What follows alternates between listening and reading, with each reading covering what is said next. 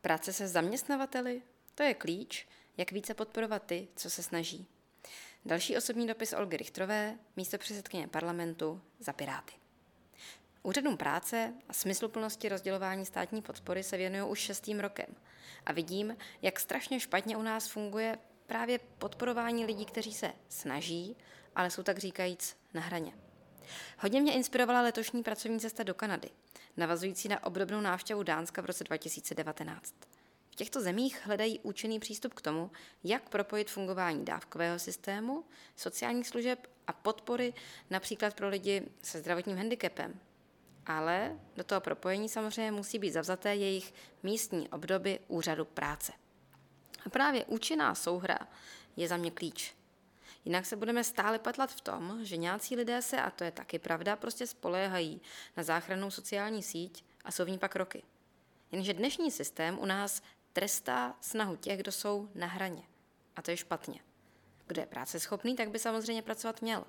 Tak je ale řada lidí, a můžeme je znát všichni ze svého okolí, co to prostě mají fakt hodně těžké kvůli nějakému menšímu zdravotnímu handicapu, ku příkladu. To znamená, že jejich invalidní důchod je nevysoký, ale mnozí opravdu velice těžce hledají vhodnou práci. Nebo jiným handicapem je nízké vzdělání a třeba i omezená gramotnost. Lec kde v zahraničí se u těchto lidí zaměřují na šití práce na míru, aby to dlouhodobě skutečně fungovalo. Takzvané úřady práce, ale ve skutečnosti agentury zaměřené na skutečné zprostředkování zaměstnání a dokonce i na úpravu pozice odpovídající tomu, kdo v té které lokalitě práci nabízí a zároveň tomu, kdo ji hledá. Zkrátka, práce se zaměstnavateli představuje jeden z klíčů. Je potřeba lidem, co práci nabízejí, vysvětlit, co daný člověk zvládne, jakou podporu může úřad poskytnout na ty první měsíce jeho zaškolování, jak se vykompenzují ty vyšší časové náklady pro podnikatele na vstupu. Tohle funguje nejen v Kanadě, ale i třeba v Dánsku a obecně ve Skandinávii. Zaměstnavatelé často jenom netuší, jaké přizpůsobení pracovního prostředí nebo pracovní doby by pomohlo, aby u nich mohl někdo s různými speciálními potřebami nastoupit a dlouhodobě vydržet. Zkušenost Kanady třeba potvrzuje, že když někdo zvládne pracovat s tou potřebnou podporou 9 nebo 12 měsíců, tak už potom nepotřebuje extra péči. Věci se zajedou a fungují. I v práci, i v bydlení, tak, jak je třeba.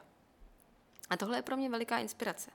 Ta intenzivní pomoc v prvních devíti měsících po ztrátě práce, v nezaměstnanosti, anebo třeba eh, v okamžiku, kdy se ten člověk rozhodne, že se vymaní z dluhů, že chce znovu nastoupit do práce, eh, tak to je moment, kdy se intenzita pomoci státu fakt vyplatí. A to včetně toho, eh, abychom dbali na to, aby lidé, kteří si opravdu nějakou dobu nic legálně nevydělali, pobírali podporu, chodili do potravinové banky, tak aby na začátku té své snahy o změnu nebyli tratní. Aby se jim příjmy při nástupu do práce třeba nejdřív na částečný úvazek a postupně až na celý nesnížili. Prostě, aby v žádný okamžik nestratili tu logickou motivaci vydělat si víc. A proto o tom mluvím v tomto svém osobním newsletteru. Vnímám, že to je téma, které může budit pocit velké společenské nespravedlnosti. Když si vezmeme, že někdo je práce schopný, sežene si práci na černo, ale legálnímu zaměstnání se vyhýbá, tak to samozřejmě nese spoustu negativních jevů. Ale i proto teď schvalujeme novelu insolvenčního zákona, aby už bylo možné, že se každý dostane z dluhové pasti. Protože dnes oddlužení, tedy insolvence, stále ještě není pro každého.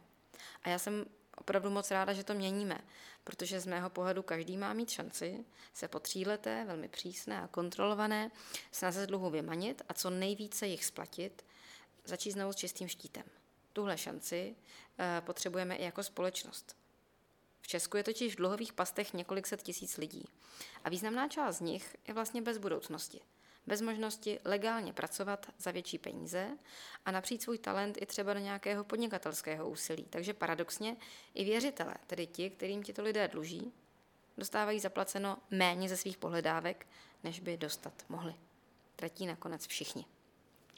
Takže v kostce, díky nově přichystanému systému odlužení insolvence, na němž jsme se jako koalice shodli a 29. srpna prošel prvním čtením v příslušné novele zákona, eh, se otevírají brány k tomu, aby nikdo neuvíznul v dluhové pasti na celý život.